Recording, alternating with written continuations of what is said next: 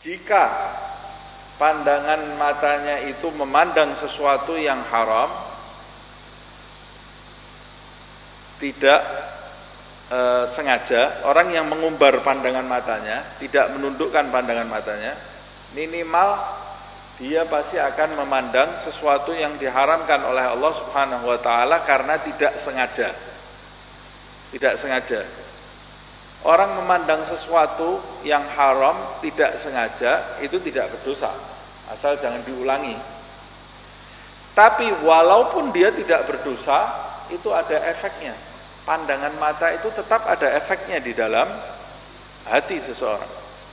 Walaupun itu tidak berdosa. Makanya jangan kita bebaskan pandangan mata kita.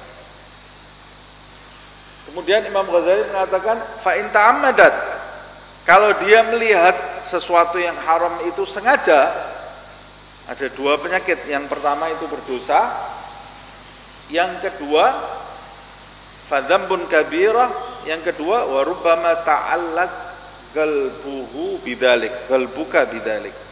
Boleh jadi karena pandangan mata itu menjadikan hati kamu terikat dengan apa yang kau pandang fatahlak in lam yarhamillahu taala maka engkau akan binasa kalau engkau tidak dirahmati oleh Allah Subhanahu wa taala